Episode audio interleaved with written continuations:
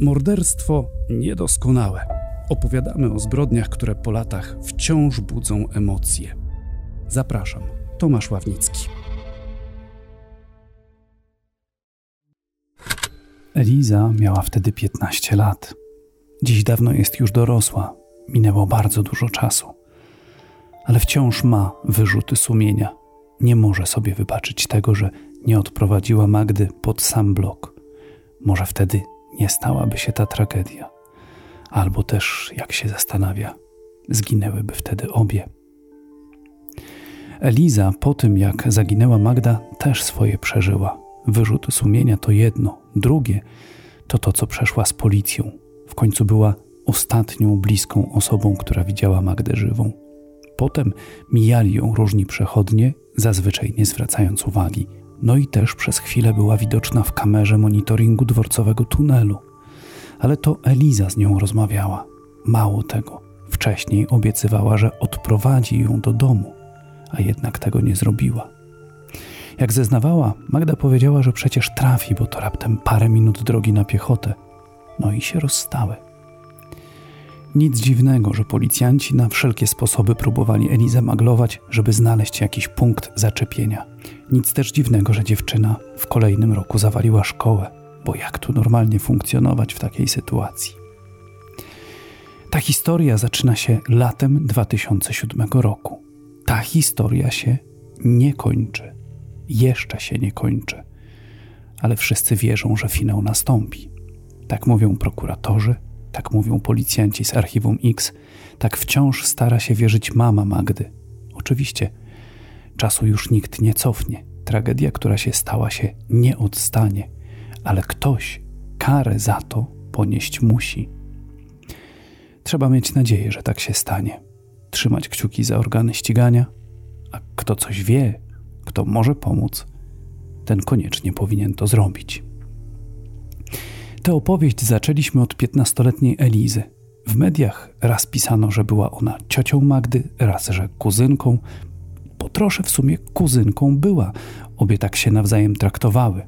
Między nimi różnica wieku wynosiła raptem 4 lata. Choć faktycznie to Eliza była najmłodszą siostrą Edyty, czyli mamy Magdy, a zatem dla jedenastolatki była ona niewiele starszą ciocią. 3 lipca 2007 roku.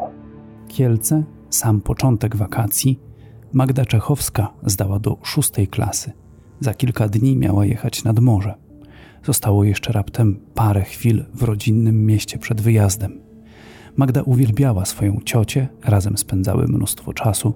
Piętnastoletnia Eliza zaś w czasie wakacji pomagała w stajni na obrzeżach Kielc.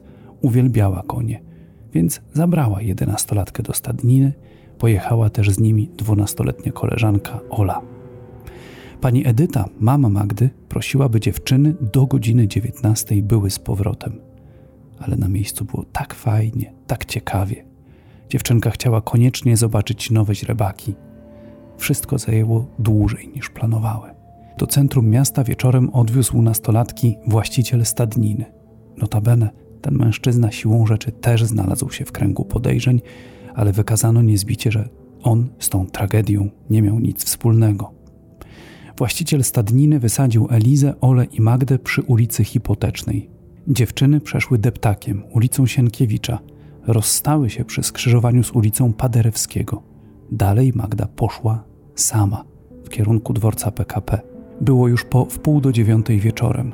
Kamery monitoringu w tunelu pod dworcem kolejowym zarejestrowały moment, jak Magda szła w kierunku wyjścia na ulicy Mielczarskiego. Nagranie jest niezbyt wyraźne.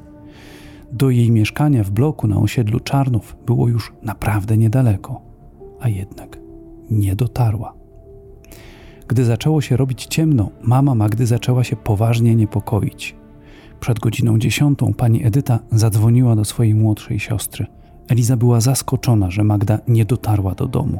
Przyznała, że nie odprowadziła jedenastolatki pod blok. Powiedziała, gdzie się rozstały. Wiedziały, że z Paderewskiego do domu jest raptem parę minut drogi. Tymczasem od chwili rozstania minęła już godzina. Mama Magdy nie czekała ani chwili. Od razu pojawiła się na komendzie policji, a funkcjonariusze nie zignorowali zgłoszenia. od razu przystąpili do poszukiwań. Do akcji ruszyło bardzo wielu policjantów, użyto psów tropiących, natychmiast też zaalarmowano lokalne media, a te od razu wystosowały apele o pomoc w poszukiwaniach. Dziennikarzom udostępniono nagranie z tunelu pod dworcem PKP, na którym widać Magdę, oraz nagrania z wcześniejszego przejścia Magdy, Oli i Elizy przez centrum Kielc. W mediach padały prośby o pomoc skierowane do tych, którzy tego wieczoru byli w tym miejscu i którzy mogli widzieć jedenastolatkę. Od razu uprzedzę wypadki. Przez pewien czas w kręgu podejrzeń był mężczyzna, którego widać na nagraniu, jak szedł w dworcowym tunelu za dziewczynką. Jak udało mi się dowiedzieć w kieleckiej prokuraturze, mężczyzna ten, dzięki medialnym doniesieniom, sam się rozpoznał na udostępnionych, no jak widać, niewyraźnych materiałach, zgłosił się na policję i wykluczono, aby miał coś wspólnego z tą sprawą. Po prostu. Przypadkowo, przez moment, akurat szedł za jedenastolatką, ale potem skierował się w swoją stronę. Rodzina próbowała wszystkiego. O pomoc zwracano się choćby do słynnego jasnowidza z Człuchowa, Krzysztofa Jackowskiego. Ten w swojej wizji nie dawał nadziei. Mówił, że dziewczynka trafiła do jakiegoś mieszkania w bloku, że były z nią w tym mieszkaniu dwie osoby, które ona zna i które czegoś od niej chciały. Że Magda stawiła im opór, a ci ją zamordowali. Jak wspominają kieleccy policjanci, Jackowski wskazał, że ciało dziewczynki może być pod jakąś studzienką kanalizacyjną, więc sprawdzano wszystkie w mieście. Bezskutecznie. Przypomnę, Magda zaginęła 3 lipca 2007 roku. Rodzina długi czas żyła nadzieją, że dziewczynkę uda się odnaleźć, całą i zdrową. Niestety, po ponad trzech tygodniach, 26 lipca, nadzieja zgasła. Nagie zwłoki dziewczynki, zakopane w pobliżu zalewu Hańcza pod Kielcami, znalazł przypadkowy turysta. Sprawca ukrył ciało w bardzo płytkim dole. Niestety, Łatwo dostały się do niego dzikie zwierzęta. Widok był straszny. Ciało było w tak koszmarnym stanie, że pani Edyta nie dała rady rozpoznać córki. Badania DNA jednak potwierdziły. To Magda. Co się stało z dziewczynką? Kto mógł ją uprowadzić i zabić? Dochodzenie było wyjątkowo trudne. Prokuratura i policja starały się zrobić wszystko, by sprawę wyjaśnić. Początkowo Sprawą zajmowała się prokuratura rejonowa Kielce Zachód. Gdy stało się jasne, że mamy do czynienia z zabójstwem, śledztwo przejęła prokuratura okręgowa. Jednak niestety, po pewnym czasie, wobec niewykrycia sprawcy, nie było innego wyjścia. W październiku 2008 roku postępowanie zostało umorzone. Na ten temat rozmawiam z prokuratorem Danielem Prokopowiczem z prokuratury okręgowej w Kielcach. Jak zapewnia, umorzenie postępowania nie oznacza, że śledczy zapomnieli o sprawie zabójstwa Magdy Czechowskiej. Panie prokuratorze, często się myśli tak, że jak śledztwo jest umorzone, to znaczy, że poszło na półkę i wszyscy o tym zapomnieli. Jak rozumiem, w sprawie Magdy Czechowskiej to jest tak, że owszem, umorzenie nastąpiło, ale to nie znaczy, że nie dzieje się nic, prawda? Dokładnie tak. W tej sprawie trzeba powiedzieć, że umorzenie śledztwa, postanowienie o jego umorzeniu ma de facto tylko charakter formalny, ponieważ my cały czas, pomimo umorzenia tego postępowania, my, czyli mówię tutaj o Policji i Prokuraturze Kieleckiej, wykonujemy czynności zmierzające do ustalenia sprawcy tego e, zdarzenia. Jak rozumiem, najwięcej tych czynności było w 2007, teraz e, jest ich mniej, ale no, można pewnie powiedzieć, jakie czynności procesowe do tej pory wykonano. Rzeczywiście no, największą część tych czynności dowodowych przeprowadzono w toku śledztwa, czyli w latach 2000 7-2008. Wtedy też przesłuchano ponad 150 świadków, zlecono szereg ekspertyz z różnych dziedzin biologicznych, z psychologii. E, te opinie stanowiły podstawę do czynienia ustaleń faktycznych, natomiast no, wyczerpanie jakby materiału dowodowego na pewnym etapie śledztwa doprowadziło właśnie do jego umorzenia wobec niewykrycia sprawcy. Natomiast tak jak już rozmawialiśmy, ma to charakter ściśle formalny i my te czynności cały czas wykonujemy. Od około 2017 roku doszło do zintensyfikowania tych czynności, które wykonujemy w ramach wykrycia sprawcy. I częściowo no, pewne wątki, które braliśmy pod uwagę, zostały rozwiązane, między innymi dzięki publikacjom medialnym, udało się e, dotrzeć do mężczyzny, którego wizerunek był mm, zarejestrowany na nagraniu z tunelu w przejściu podziemnym pod dworcem PKP w Kielcach. Mężczyzna sam zgłosił się do organów ścigania, złożył zeznania. Zostały one zweryfikowane. Nie wiążemy go na chwilę obecną z tym zdarzeniem. A wniosły coś nowego? Wiadomo, co się mogło w takim to, razie to dziać znaczy, w tych znaczy- ostatnich chwilach?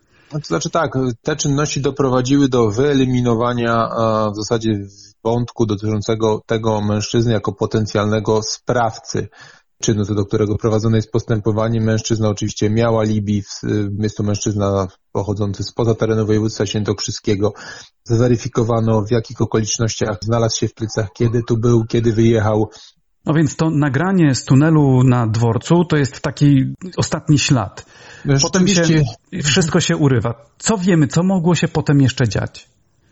No wiemy, że po wyjściu mm, z tego tunelu była to dokładnie godzina 20.39 3 lipca 2007 roku. Pokrzywdzona rozmawiała przy ulicy z dwoma niezidentyfikowanymi mężczyznami. E, okoliczność tą ustaliliśmy w oparciu o zeznania świadka już w początkowym etapie śledztwa. Natomiast e, na tym nasz trop się urywa. No, jest to miejsce bardzo blisko e, miejsca zamieszkania pokrzywdzonej. W zasadzie można powiedzieć, że pod samym domem. I tutaj e, nasze ustalenia co do tego, co działo się dalej, zaczynają się opierać na dowody w zasadzie pośrednie, bo nie wiemy tak naprawdę, co się stało z pokrzywdzoną, w szczególności nie wiemy, kim byli ci mężczyźni, z którymi rozmawiała przy ulicy. Okoliczności wskazują, że najprawdopodobniej e, znała te osoby. Natomiast nie wiemy, co stało się później. Dość szybko rodzina zgłosiła mm, zaginięcie dziewczynki. Policja natychmiast rozpoczęła czynności zmierzające do mm, ustalenia miejsca jej pobytu. Dość szybko przekazała policja również mediom nagrania z monitoringów, bo to nie jest tylko ten monitoring z tego przejścia podziemnego pod mm, dworcem PKP w Kielcach, ale również nagrania, które były zabezpieczone z ulic, którymi pokrzywdzona poruszała się do tego miejsca te wszystkie czynności, które były wykonywane w tym zakresie, no niestety nie dały y, odpowiedzi na najważniejsze pytanie, co stało się z pokrzywdzoną i kto jest sprawcą tego zdarzenia. O tych mężczyznach wiemy tyle, że to był ciemny samochód i nic poza tym, nawet marki w sumie nie za bardzo nie znamy. znamy nawet marki, czy rodzaju samochodu, nie znamy też jego numerów rejestracyjnych, ani tym bardziej tożsamości osób, z którymi pokrzywdzona rozmawiała, natomiast okoliczności przytoczone przez naocznego świadka tego zdarzenia wskazują, że najprawdopodobniej były to osoby jej znane. Natomiast nie wiemy, co się dalej stało z pokrzywdzoną, czy udała się sama w stronę swojego domu, czy do innego miejsca, czy też na przykład ci mężczyźni gdzieś ją zabrali ze sobą i zawieźli. Także policjanci z Kieleckiego Archiwum X przyznają, że ta sprawa nie daje im spokoju i że jest ona wyjątkowo trudna, bo brakuje punktu zaczepienia. Początkowo myślano, że sprawcą uprowadzenia Magdy mógł być jej ojczym. Skrupulatnie sprawdzano jego alibi, przesłuchiwano przez wiele godzin, pytano o relacje z przybraną córką, sprawdzano przeszłość. Mężczyzna zapewniał, że o zniknięciu Magdy dowiedział się dopiero następnego dnia rano, że był w pracy daleko od Kielc. Odpuszczono, gdy potwierdzono ponad wszelką wątpliwość, że w chwili, gdy dziewczynka zaginęła, on był kilkadziesiąt kilometrów od miasta. We wszelkich rysopisach Magdy podawano, że choć miała tylko 11 lat, to wyglądała na więcej, co najmniej na 14. Niektórzy wręcz brali ją za dorosłą. Była wysoka, szczupła, mierzyła 160 cm, a ważyła 46 kg. To, że wyglądała na więcej niż miała, też narzucało podejrzenia, że motyw mógł być seksualny. Rodzina, chwytając się wszystkiego, co się da, była nawet u wróżki – ta stwierdziła, że dziewczynkę uprowadzono do jakichś produkcji pornograficznych w Wiedniu. Motywu sprawcy lub też sprawców tak na 100% ustalić się nie udało. Są podejrzenia. Na pewno jeszcze przez jakiś czas po zaginięciu Magda żyła. Do takich wniosków prowadzą wyniki sekcji zwłok. Jak długo? To już bardziej sfera dywagacji. Wszystko wskazuje na to, że dziewczynka została uduszona dłonią, poduszką lub kołdrą. Z opinii biegłych wynika, że swego oprawcę mogła znać i dlatego nie spodziewała się z jego strony niczego złego. Na co wskazują wyniki sekcji zwłok? Ile jeszcze potem Magda y, mogła żyć od tego dnia zaginięcia? Znaczy tak sama sekcja zwłok nie dała nam jednoznacznej odpowiedzi co do czasu zgonu. Trzeba tutaj mieć na uwadze, że ciało zostało zakopane w ziemi dość płytko, około 30 cm pod powierzchnią gruntu. Natomiast w momencie odnalezienia przez przypadkowego mężczyznę, który tam spacerował, bo było to obok zalewu w Hańczy w pobliżu Rakowa w powiecie kieleckim, to też te zwłoki były częściowo już prawdopodobnie przez dzikie zwierzęta odkryte. Biegły nie dał jednoznacznej odpowiedzi co do okresu od sekcji, znaczy od momentu zgonu do sekcji, ile dni mogło upłynąć, natomiast wykonaliśmy dodatkowe badania, zasięgnęliśmy opinii biegłego entomologa, który wskazał, że z uwagi na e, ujawnione na ciele larwy owadów, że ciało znajdowało się w gruncie od 7 do 10 dni od momentu jego ujawnienia. No mamy na uwadze, że pokrzywdzona zaginęła 3 lipca, ujawnienie e, ciała miało miejsce 26, czyli 23 dni później. To mając na uwadze ten okres 7 do 10 dni od momentu umieszczenia zwłok w tym miejscu i zakładając, że do śmierci doszło najpóźniej w dniu, kiedy to ciało zostało tam e, ukryte, to możemy założyć, że do śmierci pokrzywdzonej mogło dojść nawet po 16 dniach od jej zaginięcia. Natomiast to do tego okresu, jak długo żyła pokrzywdzona po zaginięciu, my nie jesteśmy pewni, ponieważ tutaj nie uzyskaliśmy jednoznacznej e, opinii biegłego w przedmiocie tego, jak co do dnia oznaczyć e, czas śmierci pokrzywdzonej. Pojawiały się też takie doniesienia, że e, w żołądku Magdy znaleziono jakąś fasolkę, co by wskazywało, że no ktoś, kto ją uprowadził, jeszcze dał jej obiad jakiś, tak? Przynajmniej raz.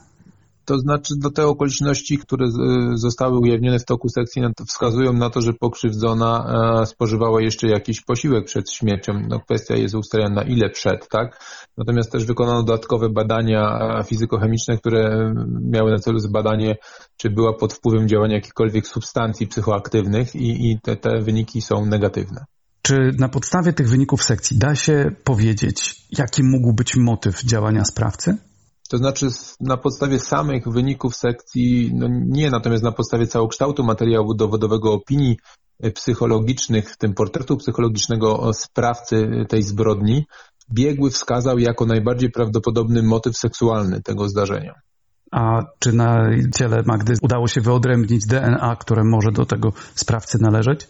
W toku tego postępowania zabezpieczono szereg próbek, na których ujawniono DNA, natomiast e, czynności związane z zabezpieczaniem śladów, w tym biologicznych przede wszystkim na ciele pokrzywdzonej, nie doprowadziły do ujawnienia DNA, które mogłoby pochodzić od potencjalnego sprawcy. Natomiast wykonano w tym zakresie, w zakresie badań DNA szereg e, badań, próbek pobranych z różnych miejsc, do których były typowania, że tam pokrzywdzona mogła być po zaginięciu przetrzymywana i niestety te badania dały wynik negatywny, czyli nie stwierdzono e, DNA, które byłyby tożsame e, z próbkami DNA zmarłej pokrzywdzonej. Co też nie ułatwia wyjaśnienia tej sprawy. Zastanawiać może również fakt, że w miejscu ukrycia zwłok Magdy nad zalewem sprawca zasadził jałowiec. Po co? Można przypuszczać, że w ten sposób chciał oznaczyć to miejsce. Czyżby chciał je w przyszłości odwiedzać? Na razie wyjaśnienia nie znamy. Na razie, bo pozostaje wierzyć, że w końcu ta zagadka zostanie rozwikłana. Parę razy już się wydawało, że to może być przełom, w 2016 roku kieleckie Echo Dnia opublikowało artykuł zatytułowany Wampir z Radomia ma związek z zabójstwem Magdy Czechowskiej z Kielc, tu na koniec tytułu znak zapytania. Chodziło o Sławomira T., przestępcę wyjątkowo niebezpiecznego. Wtedy w 2016 roku został zatrzymany w związku z dwoma zabójstwami w Radomiu 18-latki i 25-latki. Wampir z Radomia tych przestępstw miał się dopuścić po wyjściu z więzienia, gdzie odbywał karę, m.in. za próbę gwałtu. Wyszedł w kwietniu, a zabójstw młodych radomianek miał się dopuścić w sierpniu i w listopadzie. I zaraz po tym drugim zabójstwie znów trafił za kraty. Ustalono, że akurat w 2007 roku, latem, gdy doszło do zabójstwa 11-letniej Magdy, Sławomir T. był na wolności. Czy zatem mógł mieć coś wspólnego ze śmiercią dziewczynki z Kielc? O to także zapytałem prokuratora Daniela Prokopowicza. Parę lat temu w kieleckich mediach była taka informacja, w kieleckich, w radomskich pisano o takim wampirze z Radomia, Sławomir T. Czy ten wątek został sprawdzony i czy jego sprawstwo zostało wykluczone?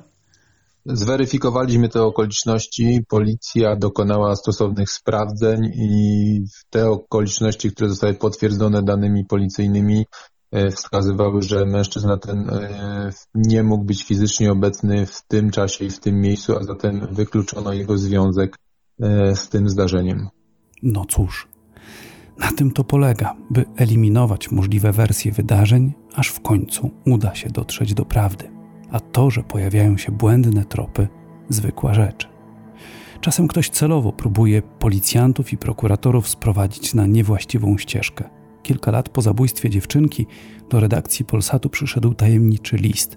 Mieszkaniec jednej z podkieleckich miejscowości informował w nim, że na terenie swojej posesji natrafił na ukrytą piwnicę, w której morderca mógł więzić Magdę. Policjanci dokładnie wszystko sprawdzili piwnicy nic nie znaleźli, ale jak zaczęli wypytywać autora listu, to okazało się, że chodziło mu o rozgłos medialny. Wiele fałszywych tropów podsuwano też wtedy, gdy za pomoc w namierzeniu sprawcy zabójstwa wyznaczono nagrodę w sumie 35 tysięcy złotych. Pewnie nie jedna osoba uznawała, a nuż coś się potwierdzi i uda się zarobić. Jednak nie udało się ustalić niczego, co naprowadziłoby na trop zabójcy lub zabójców. Dlatego dziś, choć lata mijają, ten policyjny apel pozostaje aktualny. Prosimy o kontakt wszystkich, którzy posiadaliby jakiekolwiek informacje w tej sprawie, szczególnie osoby, które 3 lipca 2007 roku w godzinach wieczornych, to jest w okolicy godziny 20.30-21, przebywały w pobliżu wyjścia z tunelu dworcowego na ulicy Mielczarskiego w Kielcach w rejonie przyległych ulic Piekoszowskiej i Grochowej, a także baru Kaszana. Widziały mężczyznę lub kilku mężczyzn stojących obok samochodu albo siedzących w samochodzie, na których zwrócili w jakiś sposób uwagę, którzy sprawiali wrażenie, jakby oczekiwali na kogoś, przyglądali się przechodzącym ludziom, zwłaszcza młodym kobietom.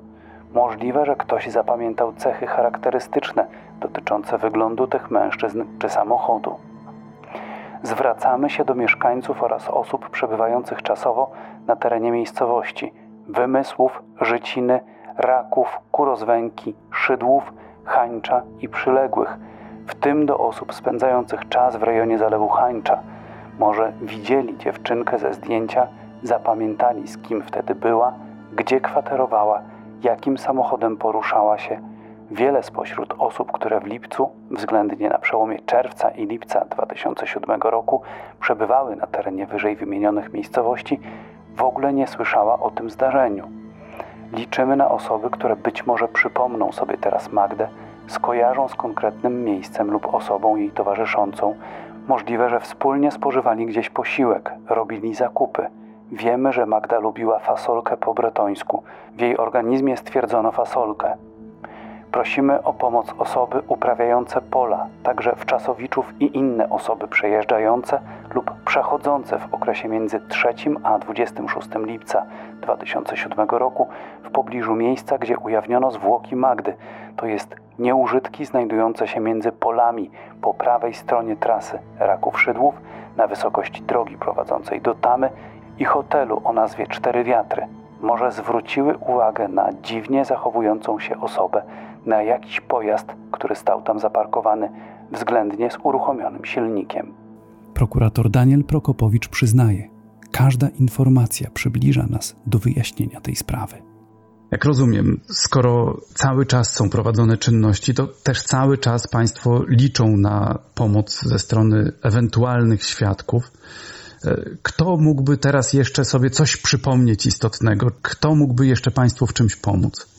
Rzeczywiście w tym e, śledztwie od samego początku apelujemy do mieszkańców Kielc, czy w ogóle do każdego, kto może mieć jakąkolwiek e, wiedzę na temat tego zdarzenia, o to, aby zgłaszał się do policji bądź do kielskiej prokuratury z tymi informacjami. I rzeczywiście co jakiś czas zgłaszają się osoby, które przekazują nam pewną wiedzę. Dzisiaj już rozmawialiśmy o mężczyźnie, który zgłosił się, bo rozpoznał się na e, nagraniu z przejścia podziemnego pod dworcem PKP. Czynności zostały z nim niezwłocznie wykonane, zweryfikowano również jego wersję przebiegu zdarzeń. Sprawdzono również inne osoby, które przekazywały informacje bądź o osobach, które mogą mieć e, wiedzę o tym zdarzeniu, bądź też przekazywały informacje o swoich podejrzeniach na temat tego, kto i dlaczego mógł dokonać tej zbrodni. Wszystkie te sygnały zostały sprawdzone, zweryfikowane przede wszystkim poprzez przesłuchanie świadków. Jeżeli natomiast trzeba było wykonywać kolejne czynności, to weryfikowaliśmy treści, które przekazywali świadkowie w tych e, zeznaniach i tutaj rzeczywiście dość e, często zdarzało się, bo kilkukrotnie, że po kolejnych publikacjach prasowych takie osoby do nas się zgłaszały. Nie doprowadziło to niestety do ustalenia sprawcy czy okolicz szczegółowych okoliczności śmierci pokrzywdzonej, natomiast te relacje procesowe pozwalały na przykład na eliminowanie poszczególnych wątków śledztwa jako no, ślepych ścieżek bez wyjścia, bo te dowody, tak jak zeznania świadka, wskazywały na to, że osoba rozpoznała się na nagraniu, wskazała, co robiła w Kielcach, zostało to zweryfikowane i mogliśmy tą osobę wykluczyć z grona potencjalnych sprawców tego zdarzenia. Także nasz apel o to, do, żeby się osoby zgłaszały, te osoby, które mają wiedzę chociażby pośrednią na temat okoliczności tego zdarzenia jest jak najbardziej aktualny i liczymy, że między innymi tego rodzaju czynności mogą doprowadzić do wykrycia sprawcy tego zdarzenia. My oczywiście nie poprzestajemy na tym, że ktoś do nas przyjdzie i e, złoży nam relację procesową, bo staramy się aktywnie pozyskiwać kolejne opinie, kolejne dowody, które mogą nas przybliżyć do wykrycia sprawcy bądź przybliżyć do ustalenia poszczególnych tych e, fragmentów zdarzenia, o których dzisiaj wiemy niewiele albo które są dla nas na chwilę obecną jedynie prawdopodobnym przebiegiem zdarzeń związanych ze śmiercią pokrzywdzonej.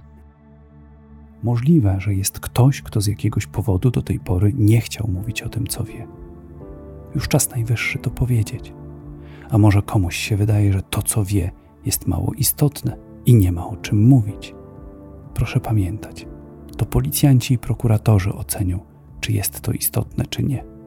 Czasem mały, drobniutki szczegół może okazać się informacją przełomową.